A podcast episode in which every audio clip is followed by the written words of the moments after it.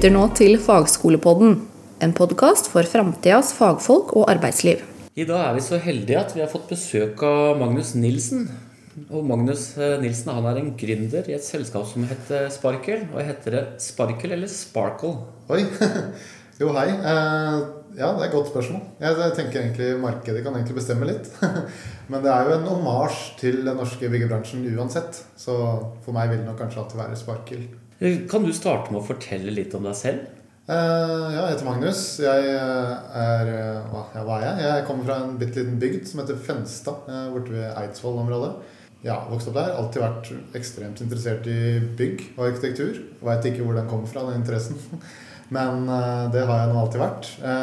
Og spesielt også teknologi, da, og dette, hvor, når dette møtes. Så jeg visste egentlig fra jeg var sånn ti år hva jeg skulle bli. Det var enten arkitekt eller byggingeniør. Jeg visste ikke forskjell på hva de to var ennå, men det fant jeg etter hvert ut. Eh, Og da havnet jeg så, som byggingeniør. Så ja, det, det var iallfall veldig langt tilbake. Jobba som RIB i noen år. Og så jobba jeg som digitaliseringskonsulent i noen år eh, for byggebransjen. Og nå gründer, da. Hvordan, eh, hvordan er det å være gründer, egentlig? Nei, det er jo ca. tre ganger så mye lange arbeidsdager og på, til en, tre, en tredjedel av lønna. Så sånn sett er det helt fantastisk.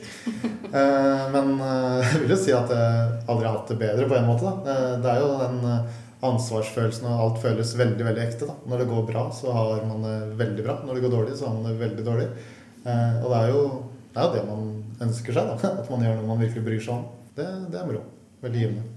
Ja, så Det er jo et tøft valg å ta, da, å bli, bli gründer. Det må jo være noe som driver deg. Hva er det for noe, egentlig, hvis du skal prøve å uttrykke det? sånn som person, eller hva som driver meg, det er på en måte to, to deler av det. da. det som, som person igjen, så har jeg på en måte det bygg- og arkitekturdelen da, eh, som er en del av det. Eh, At jeg syns det er utrolig fascinerende. spesielt Omgivelsene. Arkitektur er så viktig med hvordan man liksom opplever sine omgivelser.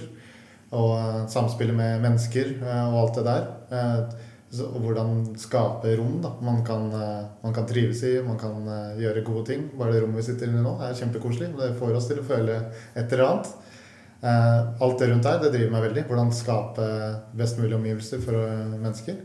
Og så litt det andre som er jo mye, mye større enn det, på en måte. Det er jo kanskje de problemene og makroperspektiv man står overfor. Jeg spør mye på klima og den delen her. Det er jo blir jo kalt 40 %-bransjen, byggebransjen. Eh, hvor det står EU sier at eh, rundt 50% av alle ressurser som blir tatt fra eh, ja, Europa i naturressurser, de går til byggebransjen. Og samtidig er det den bransjen som sløser mest, med rundt 40% Og det er en fryktelig dårlig kombo.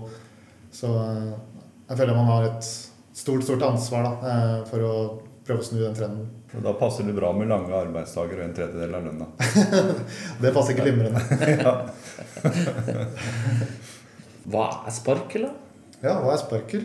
Det vi er, eh, det vi er nå, vi er en skytjeneste som vi leverer til eh, entreprenører, totalentreprenører først og fremst, eh, for å ha full kontroll på mengder. Så vi bruker denne BIM-teknologien, eh, som er ja, en sånn 3D-representasjon med masse informasjon om bygget før det blir bygd. Eh, Og bruker den og analyserer den og gjør det veldig enkelt å finne mengder. Altså hva er det bygget faktisk skal bestå av, så du vet hvor mye det vil koste, og hva du faktisk skal bestille. da. Eh, Og ja, alt, alt de tingene der. Eh, Frem til nå så har disse verktøyene som bruker BIM vært veldig tunge å bruke. Vært veldig for, mye for rådgivere og BIM-eksperter. Men det er jo egentlig ikke de som skal ha mengdene. Det er jo kanskje anleggslederen eller byggelederen eller ja, prosjektlederen og sånn. Og lage et verktøy for disse, så de kan hente mengdene de trenger til enhver tid. Eh, Det er det vi gjør. Men Kan du da fortelle oss litt om eh, historien til Sparkel? At liksom, hva, hva fikk deg til eh, å komme på ideen at det her skal jeg lage? Jeg kan jo si én historie. Den kommer sikkert til å høres fin ut. Men jeg kan bare starte med å si at uh, sannheten er jo at det er mye kronglete. Mye, mye fram og tilbake, hit og dit og hit og pine. Men uh, sånn jeg kan fortelle den, i hvert fall. Eh, det var jo mye av erfaringene jeg hadde fra da jeg jobba. Da jeg jobba som RIB. Da modellerte jeg mye selv. Jeg Syns jo det var eh, gøy på mange måter. Så her var det jo kjempepotensial eh, for å bruke denne BIM-teknologien for å gjøre noe, gjøre noe stort. Så jeg jobbet da videre som digitaliseringskonsulent for å se hvordan jeg kunne bruke den teknologien for å skape verdi eh, for eh, bransjen. Eh, og da så vi egentlig mer og mer at eh, disse modellene ble jo bedre og bedre. Man ble flinkere og flinkere til å til å lage de. Men eh, så er det det fra Når disse bymodellene møter eh, byggeplassen, da, da, da dør de ofte. Da, det er jo, som jeg, som jeg har sagt, at byggeplassen er slagmarken bymodeller har kommet for å dø. Eh, og eh, hvordan, hvordan få det her til å bli bedre, da. Det er jo unødvendig å bruke så mye ekstra tid og så mye ressurser på å lage finere modeller hvis man ikke bygger bedre. Så hvor er det enten slutt å modellere, for da kan du spare penger på det, eller finn måter å høste fra eh, den teknologien på. da. Så det var det jeg jobbet mye med. Og så ja, egentlig var jeg ikke helt tilfredsstilt med noe av det som ble gjort. Så jeg følte at eh, dette tror jeg kunne blitt gjort mye lettere. Så da prøvde jeg å ja, det, Og til slutt ta det hoppet da, og gjøre det selv. Og det var etter kanskje ett år med grubling, så fram og tilbake. Du var ikke fornøyd med sånn som det var, egentlig? da? Ja, egentlig. Ja, Det, det kan du si. Altså, spesielt den, altså den trenden da, med at ting skal opp i skyen eh, nå. Eh, alt skal opp i skyen. Eh, en statistikk som sier at eh, i byggebransjen så er eh, ca. 15% av de verktøyene man bruker, er skybaserte. Eh, og resten er, på, er installert programvare. Og det er antatt at innen fem år så skal 85% være i skyen. Så rent sånn forretningsmessig så er det jo nesten bare å kaste seg på den bølgen, så vil man nesten automatisk lykkes. Se noe som er bra, som er installert, lag det i skyen. Så det, det, det var mye, som, mye piler da, som pekte. Eh, Det var en intuisjon, det var en trend, og så var det en, ja, en dyp, dyp tro da, på at dette kan løse noen av eh, utfordringene eh, har. Eh, Hvordan har prosessen vært så langt, da, føler du? Ja, som nevnt så har det vært mye fram og tilbake. Det er mye følelser. Uh, starta jo med, bare for å si Når jeg fortalte mine foreldre at eh, jeg skulle jo eh, si opp en eh, godt betalt jobb for å bli gründer. Det ble jo sånn passe godt mottatt der. Eh, det var vel det Det var mye følelser allerede da. Og så var det jo da bare å kjøre bånn gass, da. Så, sånn som historien eh, var, da, så da var jeg med på et eh, akselerator, inkubatorprogram som heter Antler. Eh, som var veldig veldig bra. Var heldig å eh, komme inn der. Eh, og det er et sånt sted de har en ekstrem fokus på team for når du skal lage et selskap. da, Som, som jeg syns var veldig bra. Det er jo noe man hører hele tiden, at ideer det kommer i hytt. Det er det mange som har. Men, og det, det er veldig naturlig å tenke at ja, man trenger en god idé. Men de er veldig der at det bare, har du et ekstremt dyktig team, og har du, klarer du å lage gode forretningsmodeller der, så vil ideen på en måte komme etterpå, basert på hva man lytter på fra markedet og sånn. da, Som de hadde et veldig fokus på. Og det var, det var veldig lærerikt eh, for meg å angripe det på den måten. For da var Det sånn, det, det gir jo mening at hvis du klarer å finne ekstremt dyktige mennesker som eh, lytter på markedet, da kan man få til eh, veldig mye bra. Hadde du det teamet rundt deg da du på en måte skulle starte der? Nei.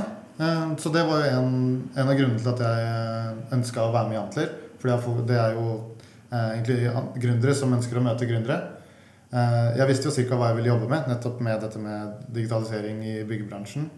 Eh, Men hvordan bygge et slikt eh, sånn teknologisk verktøy, det hadde ikke jeg nok kompetanse for å gjøre. Så det var, føltes som en perfekt arena for å finne en, en sånn medgründer som hadde teknisk bakgrunn. Og da var jeg så heldig at jeg fant i hvert fall han jeg mener var uten tvil den beste og sterkeste der, som heter Peder, som er min medgründer. Han er teknolog og seriegründer selv, som var ute etter noen eh, med domenekunnskap som hadde interessante problemer å komme med. da. Så der var det kjærlighet ved første blikk, så ble det sparkel. så sånn møttes vi, og så ja, har det vært bra siden. Det er jo veldig bra perspektiv der. Det er som ideen, men det er nettverket. Du må ha begge deler. Ja, Så må du ha penger i tillegg, da. Yes. Så det var jo en av de tingene som var fint med Antler også. da. Så etter man har forma disse teamene i Antler, så på slutten av det programmet så pitcher man til de investorene som Antler står for. da. Og der har man mange store industrier som har spytta penger inn i Antler. Eh, ja, mange store aktører. Og ja, da pitcher man eh, for dem, og så kan man da få en eh, investering da, eh, der også. Som vi da var heldige og fikk, som eh, fikk oss på riktig track for å komme videre. Da kunne vi ansette folk også. Men den, du forteller jo at det er litt sånn søkende prosess og litt følelser og litt sånn utvinn, og så begynner du å spisse. Og da hvis du skal uttrykke forretningsideen nå da, med Nå har du sikkert spissa det og kan sikkert pitcha det mange ganger. Hva er, det, hva er forretningsideen nå? Ja. Uh, spør meg gjennom uh, noen måneder, så kan hende jeg si noe helt annet. Men uh, jeg må jo, må jo si det der er nå. Så forretningsideen nå, da, det, det vi ser, er at eh, nettopp dette, disse BIM-verktøyene eh, de har vært eh, liksom skreddersydd for BIM-eksperter. Og så har vi liksom sett at de som faktisk skal bruke spesielt disse mengdene, det er jo ikke disse BIM-ekspertene. Så hvordan kan du ta og lukke da dette gapet da, og få dette enkelt å bruke for folk som ikke er eksperter? Det er litt sånn som fiken for regnskap. De har sånn der, Regnskap kan være enkelt hvis man, eh, hvis man lager verktøy som hjelper brukeren. Så det er det, er det som er, måte, er hovedforretningsideen vår blitt nå. Vi skal eh, lage BIM tilgjengelig for, eh, for anleggsledere eller ja, baser, de som trenger mengder til enhver tid. Uten at de trenger å kunne fullt av trebokstavforkortelser og eh, kompliserte ting. Så det har forslag til forretningsidé. Det er Ja. BIM for folk flest. Ja. ja, jeg liker det. Det, det funker, det. Den er ikke dum, den. Og da Neste spørsmålet mitt er jo da ikke sant, eh, hva er målgruppa til selskapet? Og da sa jo Ståle at det akkurat nå var alle. Nei, men du kan jo dele markedet inn mer, eh, mer spesifikt enn det. da, åpenbart, For det er jo byggebransjen, først og fremst. Og så er det ikke alle som har tatt i bruk denne BIM-teknologien ennå. eh, Så det er jo det markedet vi ser på nå først. Det markedet vokser også ganske raskt. Så det er jo i byggebransjen eh, altså selskaper som har begynt å ta i bruk denne teknologien, da, eller vurderer å ta den i bruk. Eh, altså, I tillegg til det så deler vi opp i to hovedgrupper. Så nå, det er da totalentreprenører, egentlig, og husprodusenter. Eh, altså da, så Vi ser at de jobber så forskjellig, eh, selv om de fører og bygg, begge to. At eh, disse må man, eh, disse må man ja, egentlig lage helt forskjellige, ha en helt forskjellig tilnærming til. da. Så husprodusentene er egentlig nærmere Apple, sånn jeg ser det, og de skal lage en eh, mobil eh, som de måte masseproduserer. De har, de har mer produkter de setter i gang. Men eh, entreprenørene bygger spesifikke bygg som aldri har blitt bygd før, og med masse kompetanse. Helt nye mennesker som aldri har jobbet sammen før i et prosjekt. Og det er helt andre utfordringer da, og, og fordeler. Nå fortalte du litt liksom, hvordan dere har segmentert markedet, men hvordan var prosessen på en måte før dere valgte de dere ønska å prøve nå? da? Eh, Så det var en annen ting vi også som Antler var veldig flinke på. Eh, Det var at eh, fokusere på et problem. Finn et stort problem som du, eh, som du brenner for, og som du kan, du kan jobbe med. Da. Og da var det jo tilbake på denne tingen at det var, veldig, det var ingen som tok i bruk denne BIM-teknologien. Det var mye lovnader her. Så rett og slett sånn rent økonomisk, så enten slutt å bruke teknologien, da sparer du masse penger, eller finn måter å høste fra den på. Eh, Det var en av de eh, utfordringene vi så på, men også det globale problemet da, som er med avfall for eksempel, og ressursbruk. Eh, Så det var sånn vi angrep det. Da ringte vi mens vi var på programmet der flere hundre entreprenører rundt omkring. Både husprodusenter og totalentreprenører, egentlig, for å få et bedre bilde av eh, hva utfordringene er. Hvorfor tror de at det er eh, som det er? Hvorfor sløser man så mye? Eh, så det var egentlig en sånn stor datainnsamlingsprosess, en hypotesedrevet, hvor vi var da. Jeg tror enhver tid vi hadde en hypotese hvordan vi trodde vi var, og så samla inn data fra markedet for å, for å se om hypotesen er riktig eller ikke. da. Og så alltid være smidig til å endre seg etter det markedet sier. Hva har du lært i Antler på en måte i forhold til det her med målgruppevalg og Det de sa, var at eh, man måtte fokusere på et eh, problem og et, et stort marked, da, så det kan på en måte vokse og bli så eh, stort. Det, det er jo mye problemer der ute, men hvis markedet er for lite, så i hvert fall hvis du skal gå venturekapitalveien, da, så gir det ikke noe mening hvis du går inn i et marked som er si, 50 millioner stort, for da kan du absolutt maks tjene 50 millioner i året. Så ha et stort problem, som også er i et stort marked. Og så finner du et godt team som kan jobbe med problemer her. Og så da Det de også var veldig på, da var nettopp denne datainnsamlingen. Eh, Lytt til markedet, finn så mange datapunkter du klarer. Eh, Vær, ha hypoteser om hva som kan være produkter eller ideer som løser dette problemet. Og vær igjen hypotesedrevet med dette produktet ut i markedet. Hør, se hvordan de svarer. Svarer de bra, fortsett på det. Svarer de dårlig, endre på det. Altså, det er vel en sånn type agil, smidig prosess. Da. Og det er uh, veldig mye lettere å si enn i praksis, for det er på en måte uh, spesielt for min del, da, det er en ting som jeg har lært meg eh, siden jeg har på en måte domeneekspertisen selv. Så er det veldig lett for meg da, Det går kanskje en felle hvor jeg, jeg vet best. Eller jeg har en godt forhold til det. Eh, Og på den ene siden så skal jeg ikke kaste min kompetanse og intuisjon helt bort heller. Men på den annen side så må jo den utfordres av hva markedet faktisk ønsker. Så å balansere den, det har vært en veldig interessant øvelse. Eh, Hvor mye skal man tro på, tro på det man selv har lært og opplevd, eh, kontra hva er det markedet er villig til å betale for. Eh, Så jeg tror ikke noen av ekstremene der er riktig. Men å finne den riktige balansen der har vært, eh, det har vært veldig spennende. Hvordan ser du for deg Sparkel i fremtiden? Hovedproblemet som vi angriper, som sagt, det er jo det globale problemet med avfall og eh, ressurssløsing, om du vil, eh, i byggebransjen. Og det vi ser, er at vi samler disse mengdene eh, i verktøyet vårt, som er altså en liste over hva er det bygget består av, hvor mye, eh, og hvor er det plassert. F.eks. hvor eh, mye kubikk betong er det i dette bygget, og hvor finner du det.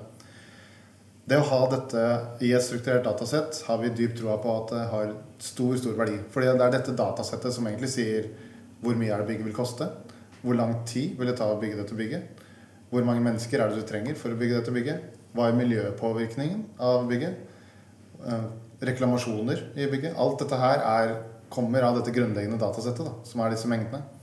Så det, det vi ser for oss at Sparkel er i fremtiden, det er at det er, eh, det er stedet hvor sannheten om eh, bygget ligger. Hvor man kan da koble seg på f.eks. gjøre kostnadsanalyser, miljøanalyser med andre verktøy. Vi ønsker å være stedet der man finner mengdene. da. Hva er liksom, Hvis du kan nevne de tre viktigste tingene du har lært om det å være gründer? Det er et vanskelig spørsmål, eh, Pål. Jeg kan, eh, se, kan starte med personlig, da. Så vil jeg nok kanskje eh, gå tilbake på det jeg nevnte i stad. Hvordan egentlig balansere eksisterende kompetanse man har, med markedet, på en måte. Så Noen ganger så skulle jeg på en måte ønske at jeg ikke kunne en døyt om eh, byggebransjen, så jeg bare kunne ha vært fullstendig litt rørig og eh, bare prøvd å lage noe derfra. Da er jeg jo heldig å ha en medgrunner da, som ikke hadde rørt byggebransjen før, som på en måte tar den rollen.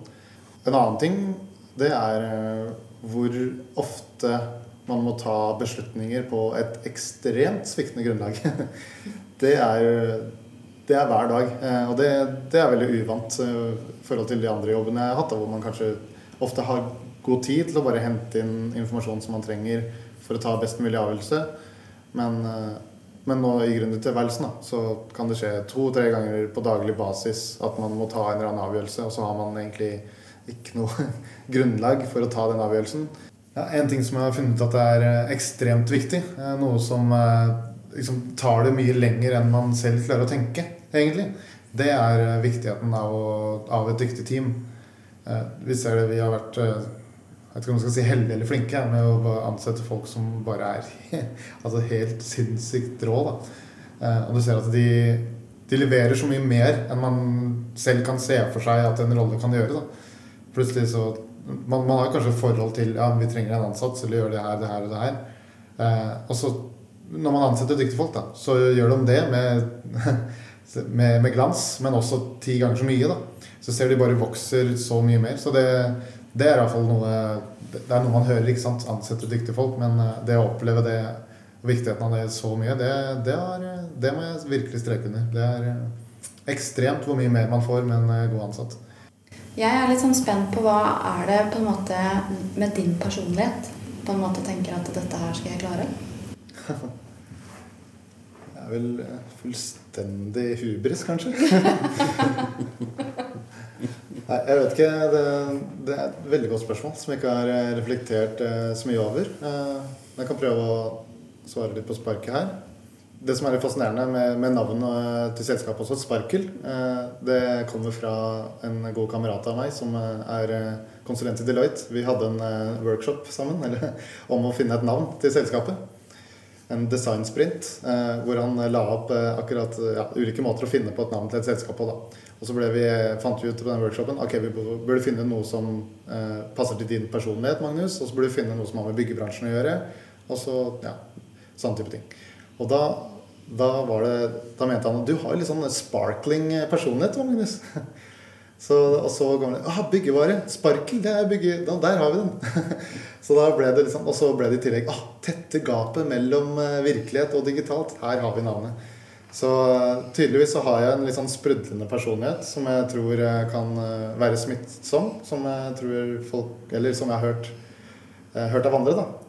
At det kan inspirere, eller være inspirerende i andre med, med ting man tror på både Peder og jeg har evnet å inspirere andre til å, til å være med på egentlig eh, vår reise, da, istedenfor ekstremt høyt betalende jobber utviklere kun, kan velge. Eh, sånn sett. Mm. Så å være med på den inspirerende reisen vi er på, eh, det, det, er iallfall én ting der. Og så for å svare på hvorfor man valgte å bli gründer i det hele tatt, da, var personligheten som valgte det, det, det kan nok hende at det ligger litt i risikovillighet, først og fremst. Eh, det tror jeg ligger veldig mye der. Har nok et eh, litt sånn middels forhold til risiko i forhold til mange andre, sånn sett. Og jeg er villig til å satse på ting hvis, hvis ja, eller det man får tilbake, er, er, står i stil da, med risikoen. Det er et veldig godt spørsmål som jeg skal tenke mer på etter ja. den poden her. det er supert. Da må vi få lov til å si tusen takk til Magnus. da. Så skal jeg prøve å oppsummere ja. det inntrykket jeg sitter igjen med. Og det er, eh, jeg har lært mye om det å være gründer. Og det er meningsfullt. Det er jo lett å se. Det er sparkling når du prater. Og det er morsomt, så er det også krevende. Eh, du snakka om lange arbeidsdager og halvering av lønna, men du verden, det er morsomt der. Og så har vi jo lært mye om dette her med BIM for folk flest. Eh, at det, du har sett et eller annet greie med forenkling. Og så gjøre hverdagen litt enklere for baser og prosjektledere og ikke bare de som har sittet på kontoret og holdt på med bind. Få det ut i front og i skya. Og så er det det tredje. Du må være lydhør for markedet. Eh, og du må ha evne til å ta beslutninger selv om det blåser litt og er litt usikkert. Og så ikke siste, sist ikke minst må du være smidig når du ser Ja, hvis du har kjørt feil, da, så må du liksom få justert kursen inn mot markedet igjen. og litt sånn når du kjører feil med bilen, så må du finne en ny rute. Yes. Det syns jeg du har snakka mye om. Ja, Så må vi ønske lytterne våre en riktig så fin dag videre. Du har nå hørt Fagskolepodden, produsert av Fagskolen Vestfold og Telemark.